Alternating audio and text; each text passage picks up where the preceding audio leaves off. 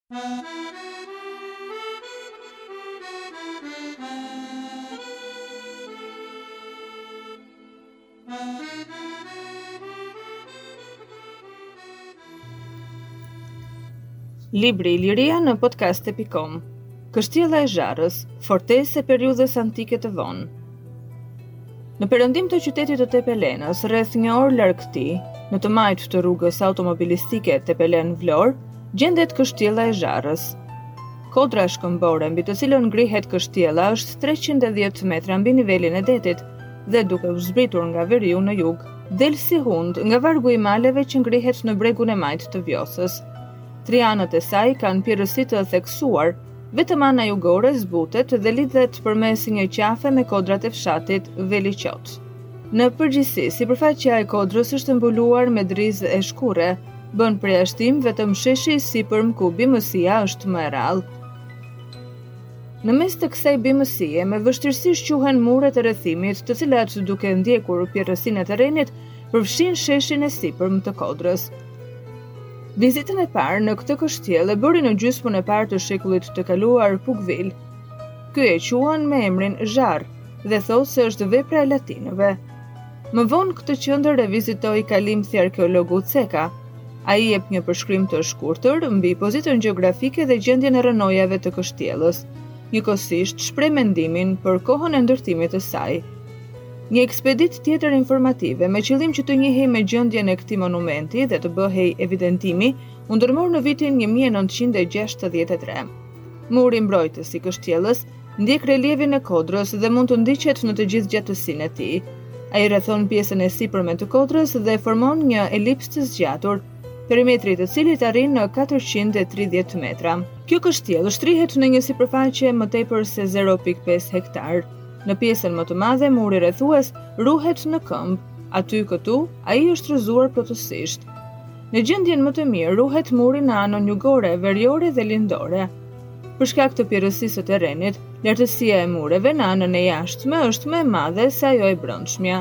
Kështu lartësia më e madhe e murit të ruajtur nga jashtë është 2.90 deri në 3.30 metra, kurse nga brenda 2.50 deri në 2.80 metra. Ai nuk është ruajtur kudo me të njëjtën lartësi. Trashësia e murit lëviz nga 1.60 metra deri në 1.80 metra. Muri është ndërtuar me gurë gëlqerorë mesatarë të punuar dhe të papunuar. Nga latimi ato kanë marrë forma të ndryshme si trekëndësh, katërorë, poligonale të tjerë. Disa nga përmasat e tyre janë këto. zero pikë njëzet e dy me zero pikë njëzet e katër metra, zero pikë njëzet e tetë me zero pikë njëzet e gjashtë metra, zero pikë njëzet e gjashtë metra me zero pikë trembëdhjetë e të tjerë. Faqet e murit rrethues, si dhe ato të kallave, janë pak a shumë të sheshta. Boshllëqet midis gurëve janë të mbushura me llaç. Mbushja në mes të dy faqeve të murit përbëhet prej gurësh të thyer mesatarë dhe tepër të vegjël. Llaçi i përdorur për lidhje është e bollshme dhe ka ngjyrë të bardhë. pasi në përbërjen e tij hyn gëlqere me shumicë dhe guriçka të mbetura nga punimi i gurëve gjatë ndërtimit.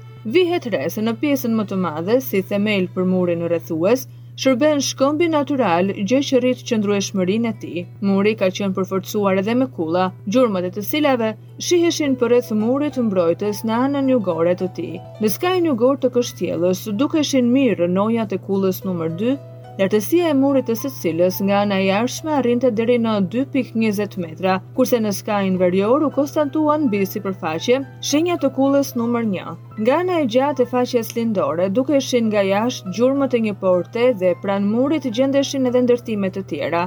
Ka të ngjarë që midis këtyre ndërtimeve të jetë edhe një kullë e tretë në formë kënddrejtë. Punimet u kryen në territorin e kështjellës në tri pika, në anën veriore, pika A, në anën jugore, pika B dhe në anën lindore, pika C. Ato u bënë brenda murit rrethues rrëzë tij, aty ku ruheshin gjurmët e kullave dhe të portës. U gërmuan një sipërfaqe më tepër se 200 metra. Në pikën A, ku u hapën 6 kuadrate, Punimet kishin si qëllim zbulimin e murit rrethues dhe të sqaronte plotësisht planimetrinë e kullës numër 1.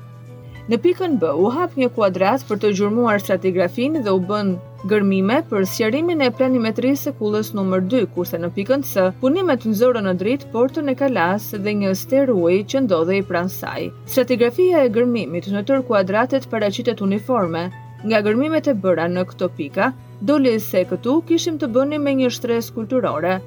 Në belat e parë, dheu humus me trashësi një metër ishte përzier me shumë gurë të rrëzuar nga muri, çakëll i mbetur nga latimi i gurëve dhe një numër i vogël fragmentesh qeramike, ndërsa në belat e poshtme, argjili ngjyrë kafe në të verdhë ishte përzier me guriçka, me një sasi fragmentesh qeramike dhe me disa objekte metalike. Në të tri pikat u zhvilluan gërmime, Gjetjet janë të një llojta dhe i përkasin periudhës së antikitetit të vonë. Gjatë gërmimeve në pikën A, në kuadratin e parë, pranë murit rrethues në thellësi 0.60 metra, doli në dritë një ambient i vogël në trajtë katrori, i rrethuar prej pllakash të vendosura vertikalisht. Brenda këtij katrori, me përmasa 1.20 dhe 1 metër, u gjetën gurë të vegjël të përzier me copa gëlqereje dhe fragmente të një tulle të tipit solen. Si shtrojë, këtij objekti ka shërbyer një pllakë e madhe. Mund të thuhet se këtu kemi një vend për përgatitjen e llaçit që është nevojitur për meremetimin e murit në atë kohë.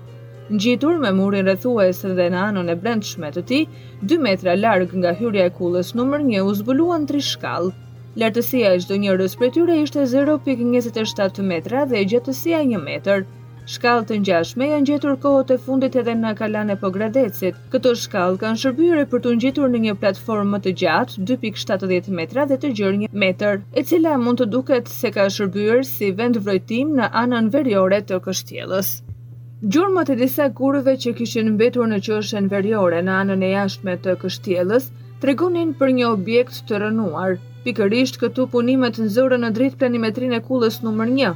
Kjo kullë ka trajtën e një katërkëndëshi kënddrejtë me përmasa pesë me katër pikë dyzet metra dhe komunikon me brendësinë e kalasë nëpërmjet një hyrje gjerësia e së cilës është një pikë njëzet metra.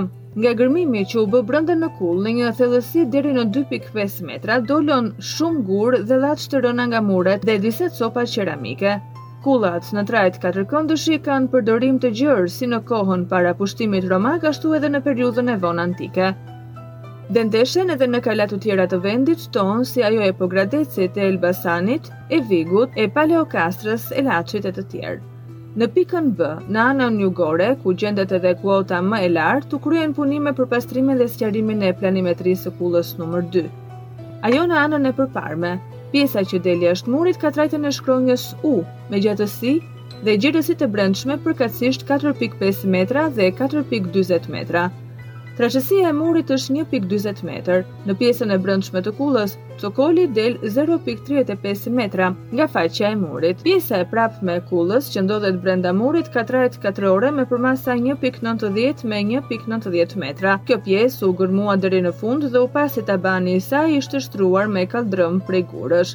Të dyja këto pjesë të kullës komunikonin në mes tyre përmes një hyrjeje 1.10 metra të gjerë. Pas gërmimit u pa se kjo hyrje ka qenë zënë me një mur 0.60 metra të trashë, Se në ç'kohë është bërë ky mur, tani për tani është e vështirë ta përcaktojmë. Vetëm duhet thënë se nga pikëpamja e teknikës nuk ndryshon shumë nga muret e tjera. Ky riparim i vogël ka lidhje me një kohë kur kulla iu përshtat nga pikëpamja funksionale, kërkesave të kohës. Analogji me këtë kullë mund të gjejmë dhe kullat e kështjellës së Elbasanit, të cilat datohen në shekullin katër. Përafërsi gjejmë edhe në kullat e zbuluara kohët e fundit në Shurdha, Nga gërmimet në pikën C, të vendosur në anë të brendshme të murit lindor, zbuluan portën e kalasë.